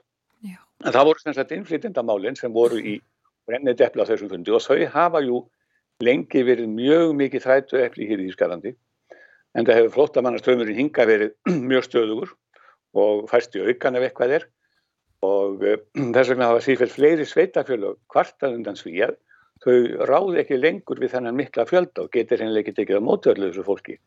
En það vantiðu bæði fjö og húsakost fyrir, fyrir alla þessa hælisleitindur og e, ríkistjórnin sem satt ákáða fundurum eða, eða heldur sjálfs ásamt fórsettisáðurum fylgjana uh, urðu samála það fundurum í nótt að, að ríkistjórnum myndi greiða fylgjónum árlega upphæð sem nefnur 7500 eurur eða um það byrja 1,1 miljón krónar fyrir hvern hælisleitenda á ári. Og jáfnfram til viðbótar þá kemur einn greiðsla til fylgjana upp á 1,75 miljard evra eða rúmlega 260 miljardar íslenska krónar sem verður skipt á milli þeirra. Og til þess að stemma stígu við flótamannarströmmnum þá á að stór efla löggerslu á landamæðurunum að Östuríki, Sviss, Tjekklandi og Pólandi og þetta er náttúrulega svolítið válið tíðindi því að til skams tíma auðvitað verða þannig að, að það var, engin gestla á þessum landamærum en þetta er alltaf breytast og sérstaklega á að reyna að að koma í vef fyrir að, að nýðingar séu að smikla hæfisleitundum eða flottamönnum hingað inn í landið eins og mikið brauð hafa verið að. Og það var einmitt verið að segja frá því fréttunum bara núna fyrir hálftíma síðan hér í, í Belgin að, að það var gerð húsleit á heimilum nokkura manna hér í, í nótt sem eru grunaður um og sakaður um að hafa verið að smikla fólki inn í landið. Þannig að það er sífælt verið að berjast við þessa, þessa smiklara yeah. Og uh, svo var ákveðu og fundur um að hætta að greiða hælisleitindum reyðu fjö svona borgara fjö eins og kallaðir og þessi stað er að koma svo kvöldu greiðslukost sem við getum að nota til þess að borga með mat og liv og aðra nöðsynjar. Þetta náttúrulega mun spara gríðarlegar upphæði því að menn, þetta hefur verið frekar svona ríflegt sem að hælisleitendur hafa verið að fá í peningum og uh, það hafa komið upp uh, grunnsendur um að þeir séu nú að spara þetta og senda þetta heim til sín í sín heimalönd út af fyrir sig skiljanlegt en uh, svo er líka annað að að það eru þessar háu greiðslur, altså hlutfalslega háu greiðslur sem að hælisleitundur hafa fengið hér sem menn telja að hafi lokkað býstna marga hinga til Þýskalands. Því það er ekki einleikið að hælisleitundur sem koma frá fátleikum löndum, þeir þá dreymir óskaplega marga um að koma til Þýskalands. Þýskaland er eitthvað draumaland mm. og uh, Berlín er eitthvað draumaborg og það allt annað. Þannig að, að þetta, það ásens að, að, að daga, draga úr þessu Uh, úr þessu ástandi og, og gera Þískaland uh, minna kræsilegt og minna eftirsoknavert fyrir hælisleitendur sem hingað er að koma. Mm. En uh, þetta voru nú þær ákvarðanir sem þarna voru teknar en, en það eru þetta sko þó að sveitasjónamenn hafi í nótt og í morgun líst í yfir að þeir veru tildurulega sáttur við þessar niðurstöður og það að þeir skildur nú loksins fá svona reglubundi fétir að standa ströyma þessum kostnaðöllum að þá er mikill vandi ennþá ólistur og það er, uh, minna þetta er spurningum það, um aðlögun allra þessara flottamanna, þetta er spurningum skólagöngu barnanna sem koma hinga náttúrulega ekki síst frá Ukraínu reyndar í, í stórum stíl og vítar að. Og þetta er spurning líka um húsnæði fyrir flottamennina og fleira og fleira, þetta leysist ekki allt með þessum, þessum fundi í nótt en og maður kannski bæta því við að núna munum verið hér í Þískalandi rúmlega þrjár miljónir hælisleitenda Já. og það er að vera líðilega ein miljón flottamanna frá Ukraínu Og í þessum hópi eru líka eitthvað um 170.000 flótamenn sem hefur verið sinjað um hælu og gert að yfirgefa landið og það er ekki bara á Íslandi sem það gengur illa að koma fólk í landi sem á að fara því að það hefur gengið mjög illa hér líka. Og þessu til viðbótar var svo kannski má nefna ákveð að koma á lagenda sérstöku innflytjenda ráði eða hælisleitenda ráði þar sem að, þar sem að fulltrúa kirkjunar, uh, verkalýsreifingarinnar og sérfræðingar og fræðumenn á ymsum sviðum munu eiga sæti og þetta ráð á sem sagt að reyna að stýra, er að reyna að framkvæma þessa stefnu og stýra þessum málum eftir því sem hægt er að, að hafa töfumhald á þeim. Já, Já þetta er tölurverð stefnubreiting í þessum málum frá því sem var eins og þú nefndir líka á þann Þískaland svona eitthvað svona drauma áfangastæður margra, var náttúrulega kannski ekki síst rættur svona að reykja til þess að í flótamanna krísunni fyrir hvað 7-8 árum síðan að, þá opnaði Þískaland sínar dyr og Angela Merkel. Já. Jú, jú, þá breytti Angela Merkel út faðminn sællarminningar framann í heiminn og sagði við, við schaffen das, þar að segja við ráðum alveg við þetta þegar að flottamannaströymmunum fór að byrja og uh, þá kom hingað alveg geysilega stór hópur flottamanna mm. og uh, það hefur verið allar gottur síðan þannig og, og menn hafa líka sko, sögverðar eru svona vinsamlir í garð annara þjóða, það er þeirra stefna. Og eh, þeir hafa farið svona, margir segja þeir hafa tekið svona með silki hönskum á flóttamanna vandanum en e, það hefur verið mikið áherslu að lögða það hér að, að, að, að hérna, svona mannúðar sjónamið sætu í og væri í fyrirrúmi þegar að um er að ræða flóttamenn. Og þess vegna hefur svona bæði verið erfitt að, að stemma stigu við þegar þið komið hinga og ekki síst eh, verið erfitt sem sagt að, að, að eh, reka þá aftur úr landi. Því að þetta náttúrulega tengist auðvitað fjölskyldum og svo framvegis, það er ekki að reka flottamar á landi sem á kannski þrjú börn hér eftir og svo það, það er ótal mannleg vandamál sem þarna eru og þeir hafa reynd að gæta þess að, að ganga ekki á nærrið þessu fólki en, en nú er bara mælir norðum fullu, það er ekkit öðru vís og það verður að gera eitthvað því að landi tekur ekki lengur við öllum þessu fjölda. En væntanlega stendur ekki til að uh, gera úkrænumönum erfiðar að koma til Þýskalands. Þeir fá sjálfkrafa hæli hér Já. og þá er allt gert og auðvitað verður að segjast eins og er að þeirra skildleiki við þar að segja þeirra aðlugunar hæfni er miklu meiri hendur til mjög fólk sem kemur frá fjarlagum heimsálu úr allt öru menningar umhverfi þannig að, að úkrænumenn falla hér betur inn og það er auðveldra fyrir þá að, að ná fótfestu í landinu og og, og hérna það er, já, það allt saman er miklu auðveldra við að eiga en, en það eru þeir eitt þriðja af þessum, þessum hópi eins og ég nefndi. Já. Einmitt við fylgjumst áfram með þessu og höfum ábyggilega ekki rætt þetta í síðasta sinn en uh, við skulum fara í aðra salma í, í lokin Artur Björgvin. Það var uh, haldið upp á afmæli í Þískalandi í vikunni. Já, það er réttið aður. Amarið spætum vikunar Eh, sem að er afarmerkileg kona og heitir Margot Friedlander þessi ágæta kona varð hvorki meirinni minna en 102 ára í fyrirtag og uh, það er nú yfirleitt tilefni til þess að halda upp á slík amali en uh, í tilefni þessa amalis að þá létt Þíska sjónvarpi gera afar áhrifamikla og leikna heimildamind þar sem að nokkuð þekkti Þíska leikarar koma við sögu um þessa konum og Margot Friedlander, hún fættist hér í Bellin árið 1921 og uh, hennar fóreldrarna voru geyðingar. Þau skildur enda 1937 og eftir það var hún með bróður sinni hjá móður þeirra. En uh, síðan var fæðurinnar handekinn og myrtur í útrýmingabúðum nazista 1942 og árið setna voru bæði móðurinn og bróðurinn myrt í Auschwitz, þeim viðfræð og yllaremtu fangabúðum. Og þá var Margot, Margot 22 ára gömul og hún komst undan á flotta. En eh, ekki, hún gætt falið sig til 1944, þá var hún gripin af Gestapo, heimstatspolizei eins og hún heitir á þýskunni, hétt, og flutti í fangabúðunar í Theresienstadt. En henni tókst að lifa af og eftir stríði þá fluttu hún með manni sínum, eh, sem hún kanti sko eftir stríð, til New York og þar gerist hún bandarísku ríkisborgari. En svo mistur mannin 1997 og eftir það fór hún að, að skrásetja endurvinningar sínar og síðan voru hún fengið til að gera heimildamind um æfi sína, að taka þátt í að gera heimildamind um æfi sína sem er tekinn hér í Berlín. Og ára 2010 þá ákvaði hún að flytja hingað uh, í sína gömlu heimaborg og setjast hér af.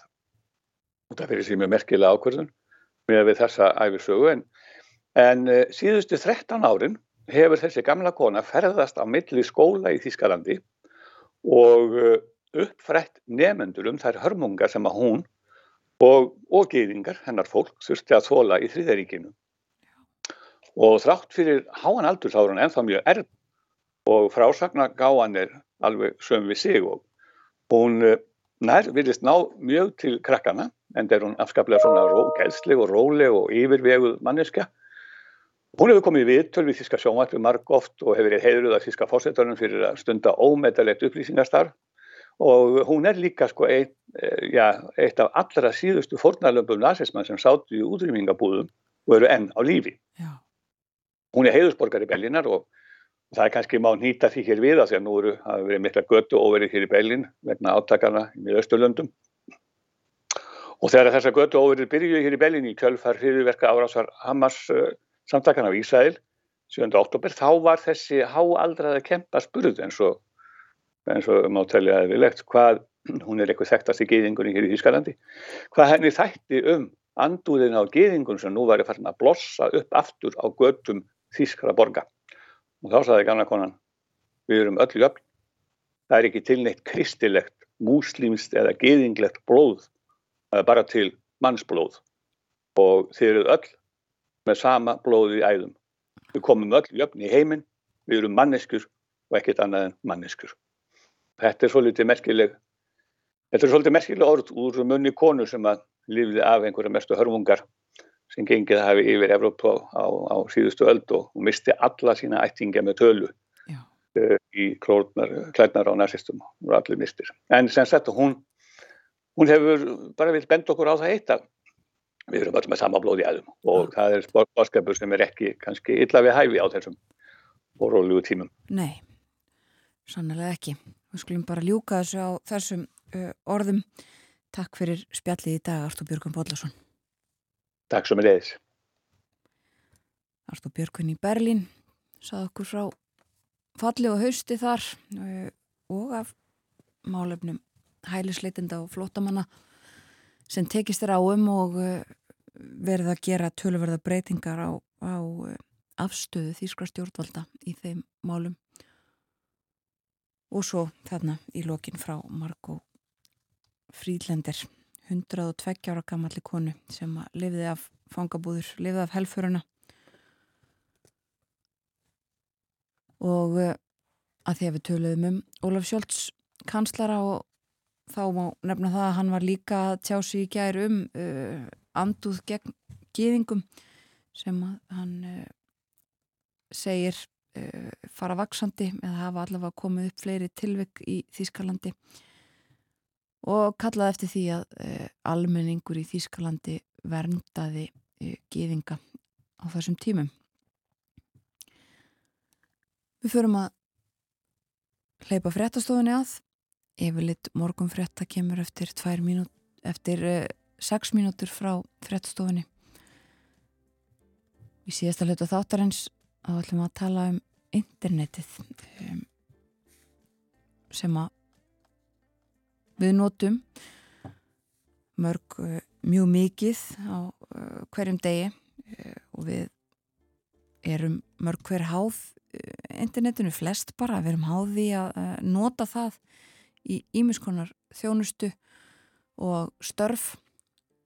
En það eru örf á risa stórfyrirtæki sem að stjórna tölvert miklu á internetinu hafa ímislegt já, gögn okkar og, og þessa, þessi störf og, og þjónustu í hendi sér. Margret Hugrún Gustafsdóttir hún hefur velt þessu fyrir sér tölvert og ætlar að koma og ræða um þessi mál við okkur þessi stóru fyrirtæki og áhrifin sem þau hafa. En fyrst er það frettastofan yfirleitt morgun fretta eftir 5 minútur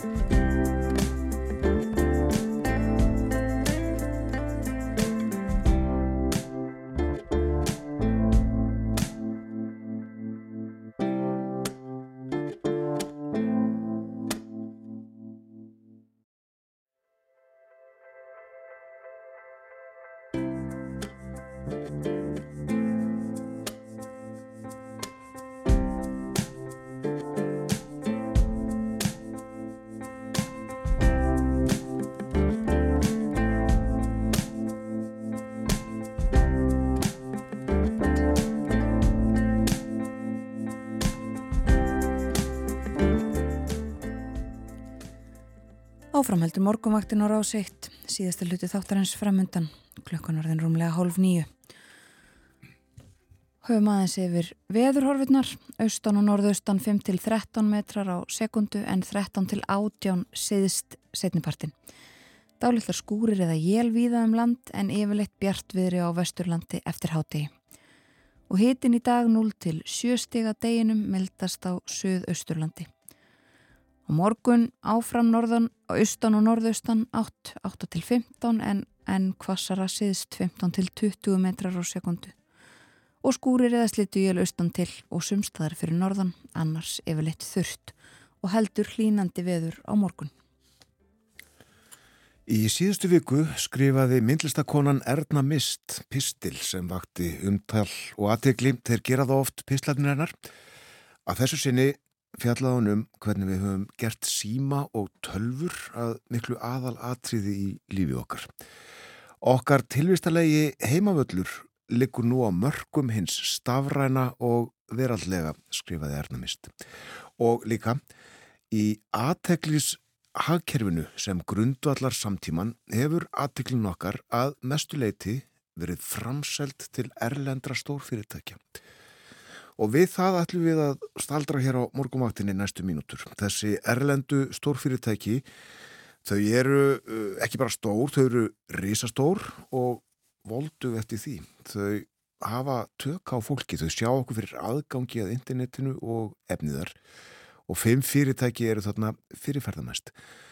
Margrét Hugrún Gústafsdóttir hefur velt þessu öllu fyrir sér, internetinu, samfélagsmeilunum, efninuðar, búnaðinum, fyrirtækjunum. Hún starfaði sem bladamadur á sínum tíma en nefnur nú mannfræði við Háskóla Íslands, ekki síst með það huga skilja betur og skilgreina mannin og samfélagsmeiluna. Velkomin til okkar í þáttinu. Takk fyrir. Í framhaldi af Grein Ernu þá skrifaði þú á Facebook Það er ekki hægt að fungera í nútíma samfélagi án þess að vera í loðbeinum og óbeinum viðskiptum við bandarísk stórfyrirtæki sem eru nú orðin stærri og valdameiri en nokkurt heimsveldi hefur nokkur tíman verið í sögumankins. Mm. Bara frá Þú... því homo sapiens stóð upp í afturlöpina, sko. Það, þetta er bara svo er bara svo liðis. Breska heimsveldið með talið. Já, bara tæni í samanbörðunum, sko. Pínlítið. Hvaða fyrirtæki eru þetta sem að, sem að uh, þú nefnir saman gamma og gert er? Þetta eru Google, mm -hmm. Amazon, mm. Meta, Microsoft og Apple.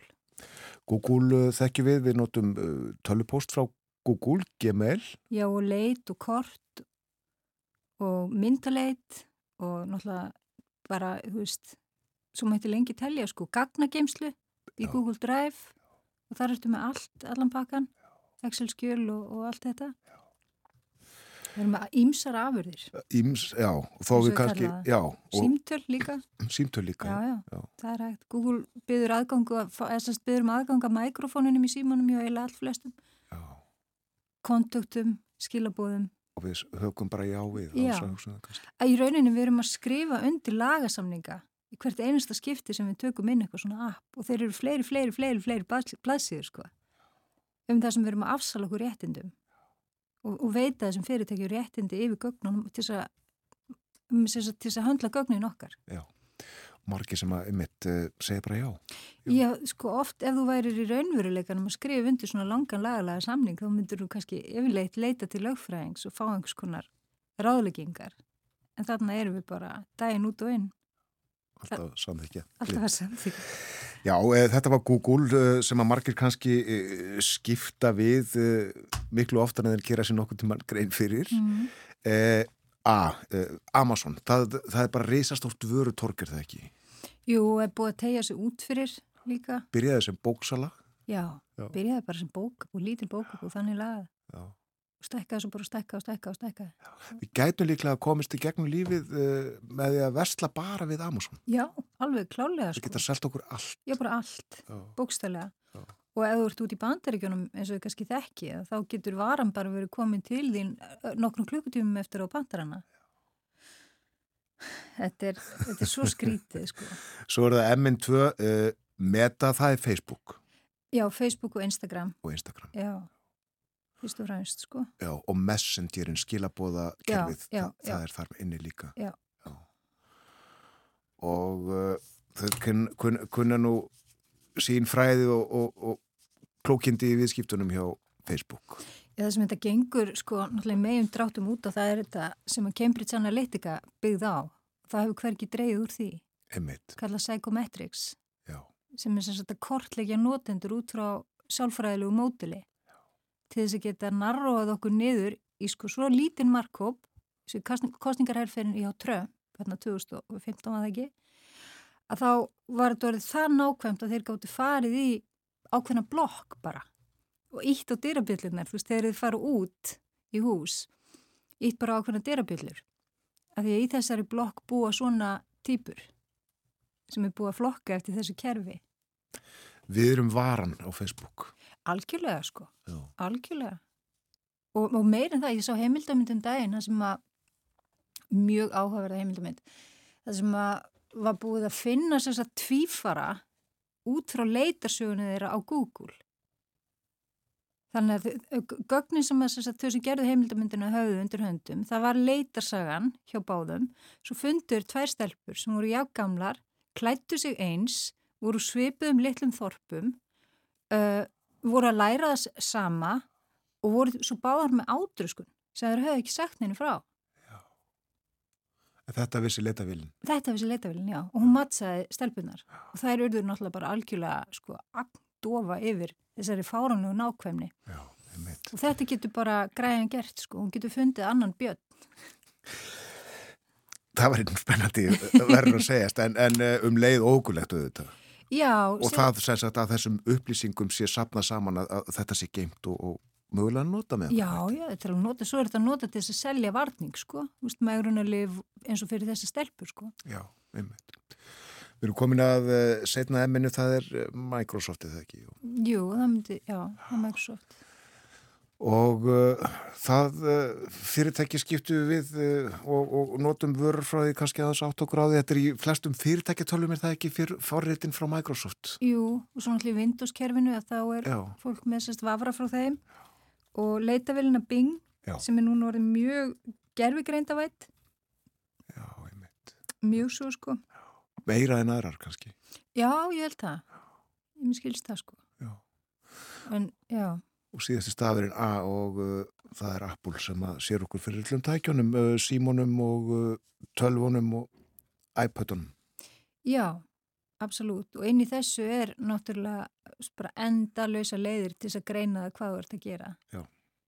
Elta þig og taka, þú veist, bara telja skrefin hjá þér og fatta hverju þú tala við og hverju þú sendir post og þetta er svo, þetta er svo galið. Ég var að kynnast, ég var að hérna uh, taka smá kurs í þýðingum og ákveða að skrifa um tölvu orð. Því þau eru svolítið fyndin og skrítin oft, sko.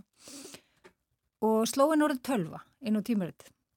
Og fyrsta sem að, eða sérst, eitt af því sem ég fann að það var frásögn af því hvernig fyrsta tölvan kom til landsins og þetta vita nú held ég bara alveg óskaplega fáir en það var alþjóða heilbriðstofnunin sem sendi fyrstu vilna til landsins árið 1952 í þeim tilgangi að skoða berkla á Íslandi. Svo liðu fjóri mánuður, berkla voru sögunni, svo gott sem. Og þarna voru við með þessa stóru vél. Og það er alveg spurning sko hvort að hú hafi vitað þetta fyrirfram eða ekki. Og það er rafveitar ekki okkur sem tekur vélina, stendur síðan ekki undir kostnaði mjög fljótlega, svo að ríki og borgin fóru inn í þetta. Og Hagstofan var sagt með fyrstu til að nota vélina. Og það var skrifað frá þessi fréttinu bara þetta er, þetta er frábært, við getum haldið utanum það bara alla þegna landsins hvar þeir búa, hversu oft þeir hafa flutt, hvort þeir eru hjúskap, hvar í röð sískinuna þeir standa bara við um öll þessi gögn um einstaklingana en hugsið ykkur síðan hvert þetta er komið mm. eða sérst á hvað skala þetta er núna og hverjir hafa gögnin það eru, það eru sagt e, fyrirtæki sem eru á sama tíma mót okkur og stýra okkur í ákveðnar áttir Já. til þess að við gerum ákveðnar hluti og kjósum ákveðnar flokka Já. og til þess að sundur okkur á sumum sviðum Þetta er bara vopn í stríðum, sko. Í, já, þetta er, þetta er klálega vopn í stríðum Mm. bara og, og svo segir fólk sko ég hef ekkert að fela, það er svona algengt viðkvæði en ég- bara þóli það ekki.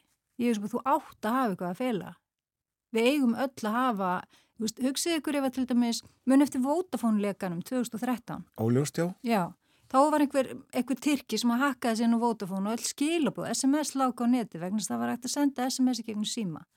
Ég þekki fleiri en eina manneski sem þurfti að fara úr landi vegna þess að fólk var að lesa engaskilabóð sem voru mjög persónleg og gá, gátt ekki farið í málu Vodafone og út af skömminni sem að fylgdi þessu það þurfti bara, já, sérstaklega ein mannski sem að bara þurfti að flytja lengst í burtu sko. Já. og hugsaðu ykkur ef, ef að þetta myndi gerast með messenger af því þetta er ekki alveg örug kerfi ef að samtöl okkar við fólk í líf okkar 15 ára aftur í tíman myndi bara leka út að þetta getur gerst, Tilur það líklegt að það gerist? ekki hugmynd Nei. en þið viti hvernig, þú veist það er endalist verið að sekta Facebook og sko rosalega háar upphæðir í bandaríkjunum en fyrirtæki heldur alltaf áfram Verið að sagt á fyrir uh, alls konar sagt, uh, Já, persónuvernd framferði sem og- já, stæst Já, ekki lög. já. Já. En þeir halda bara fram brjóta. Já, já, og það er náttúrulega líka hlýt, hlýtur að segja sér sjálft að sko, alveg svo hagstofan er ánað með að hafa gögn um þegna landsins að þá hlýtur bandaríkjastjórn að vera ansi ánað með það að hafa gögni við til dæmis 220 miljónir bandaríkjumanna eins og þetta byrjaði, sko. Og núna nánast alla jarðabúa En við höfum valið, við getum hægt við, sko ekki á Facebook eins og er. Nei, af því það er engin annar valkostur. Nei. en það er fullt af öðrum valkostum þegar kemur að leitavélum og vöfrum og tölvupósti Það er dæmi. fleira til heldur en uh, Gmail og, og, og Chrome leitar vel. Já, heldur betur. Og ef að fólk, Og Google. já, þau náttúrulega hafa svo mikið að gögnum eins og staðan er núna og hafa svo mikil völd og svo miklu peninga. Og þess að ég líti á þetta, sko, það eru, það eru miljónir, sko, miljardar búin að fara úr landinu hérna, úr þessu hagkerfi til Facebook í auglýsingatekjur. Og sko, viljum við það?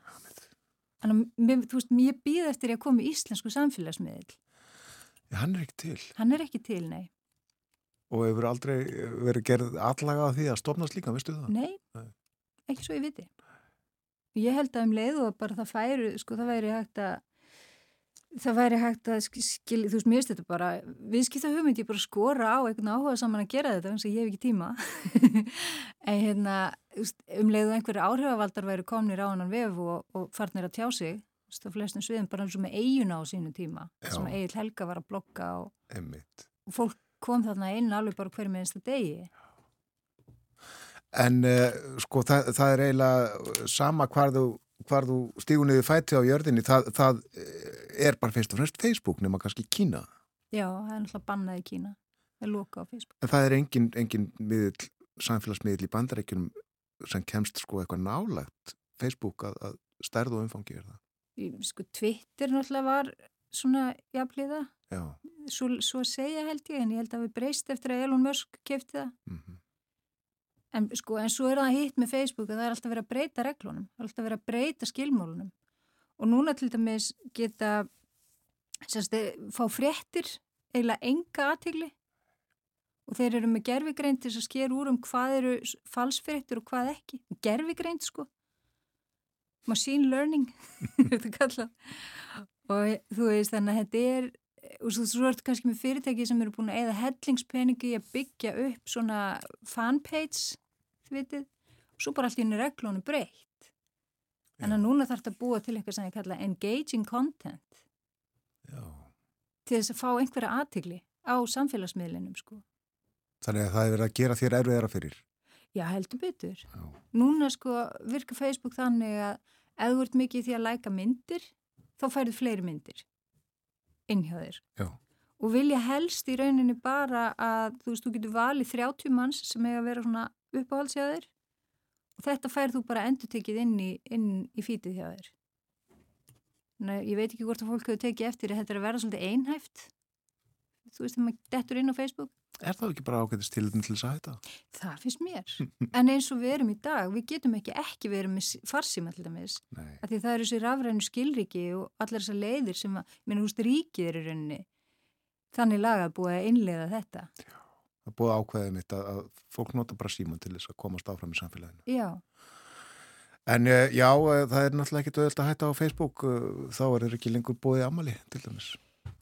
Ég bara eins og ég segi, ég vonast eftir að komi annað valkostur. Já, það fyrir enginn að byrja aftur á því að ringja eða senda út bref. Sko, mér finnst fólk svolítið svona vera að byrja átt sig á því að þetta er ekki heilbrygt.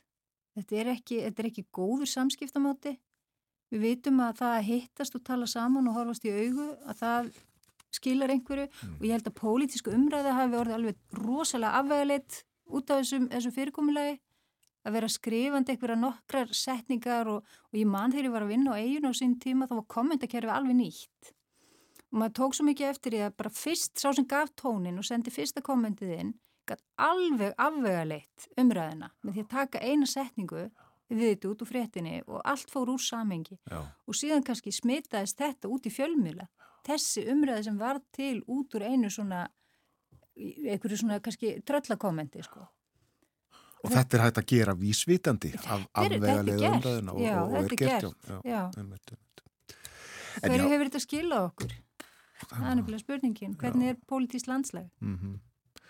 best að, að uh, við veldum þessu fyrir okkur bara hvert, hvert fyrir okkur en uh, þessi fyrirtæki aftur svo við komum að þeim uh, Mhm. gamma fyrirtækin, er svo þau eru svo risastóri eins og þú segir og svo óbúslega voldug og það er svo aðtiklisvert að sko næst stæstu fyrirtækin eru svo miklu, miklu, miklu minni Mm Google er algjör risi, það er enginn sem kemst nálægt þeim þó að Nei. einhver, bjóði upp á svipaða þjónustu Mhm. eins með Amazon auðvitað Mhm. Ég tala nú ekki um Facebook og tala nú ekki um Apple og þetta er svolítið sérstök staða í, í þessu samkeppnis umhverfi sem á að vera í heiminum í dag Þetta er náttúrulega engin samkefni.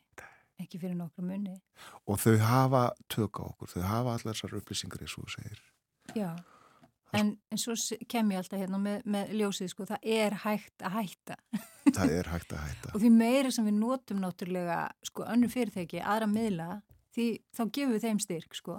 Og ég nota leitavél sem, yfirleitt sem heitir DuckDuckGo, Já, sem að gengur út á, sem sagt, privacy, sko, að vera ekki að sapna gögnum.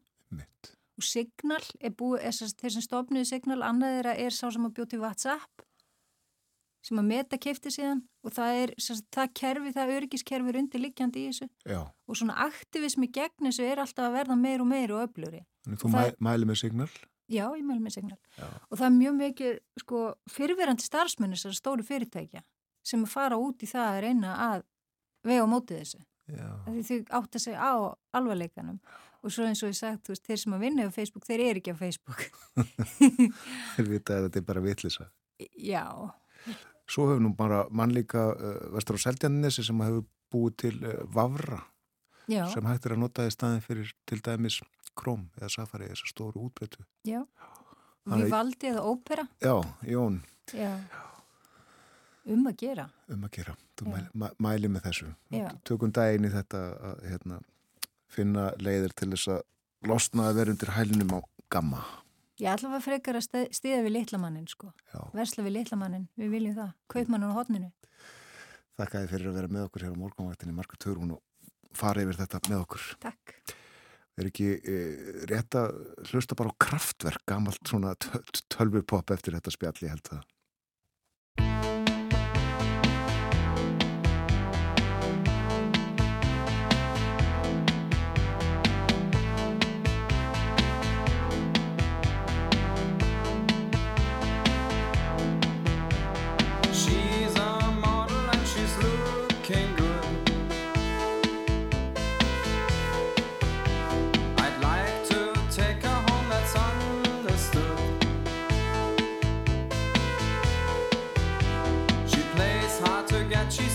Time.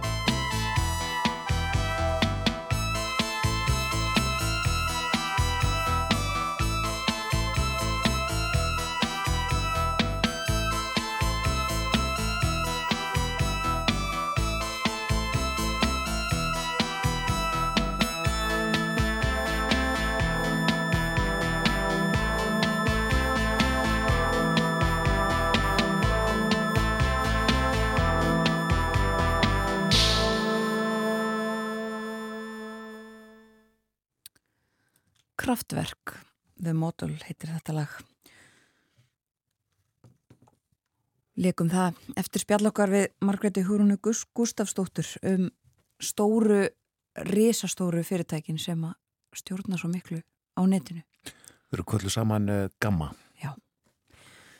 Hafa ægivald í heiminum. Já.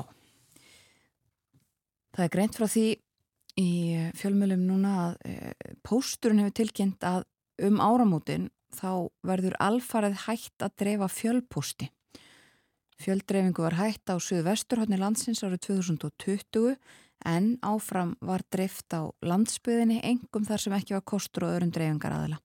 En nú hefur verið ákveðið að hætta því líka og e, sagt að þetta sé takt við umhverfi stefnu póstsins til að draga úr sóun og losun koltvísýrings og uh, svo hefur þeim fækkað verulega sem senda fjölpost en það nýta margir sér rafræna miðla til að koma upplýsingum og efni á framfæri. Og það verður áframægt að senda markpost eins og bæklinga og auðlýsingaefni sem almennt bref en þá verður bara borga fyrir það eins og um prívat vennulegt bref sé að ræða. Og uh, rifjast þá upp frétt frá því fyrir uh, tíu dögum eða svo um það að ímsu uh, sé ábútafand í póstjónustu á Íslandi samkvæmt skýrslu uh, alþjóða póstsambandsins. Já, er ekki póstjónustan á Íslandi svo vesta í Evrópu? Jú, akkurat og var í 93. sæti af þeim 172 löndum sem að skýrsla alþjóða póstsambandsins nær til. Og enn mun hún vestna sem sagt? Já, uh, allir það sé ekki spurning hvernig litið er á það en að minnstakosti, jú, þá verður hægt að dreifa fjölpústi á uh, landsbyðinni. Já, rétt að segja frá því að uh, það fer fram sérstöku umræða á alþingi í dag á þingfundi sem að hefst klukkan hálf tvö um saminningu framhaldsskóluna. Það er Bjarki Olsen Gunnarsdóttir sem að fer fram á þessu umræðu og menta og barnamálar á þeirra verður til ansvara. Uh, fór illa í þau norður á Akureyri uh, þessi áform ráþarann sem að samina verkmyndaskólan og mentaskólan á Akureyri. Já. og ætli Bjarki sé ekki að uh, byggjum einhverjar upplýsingar um stöðum ála Það er ekki ólíklegt, það verður ekki frest af því í svo litinn tíma.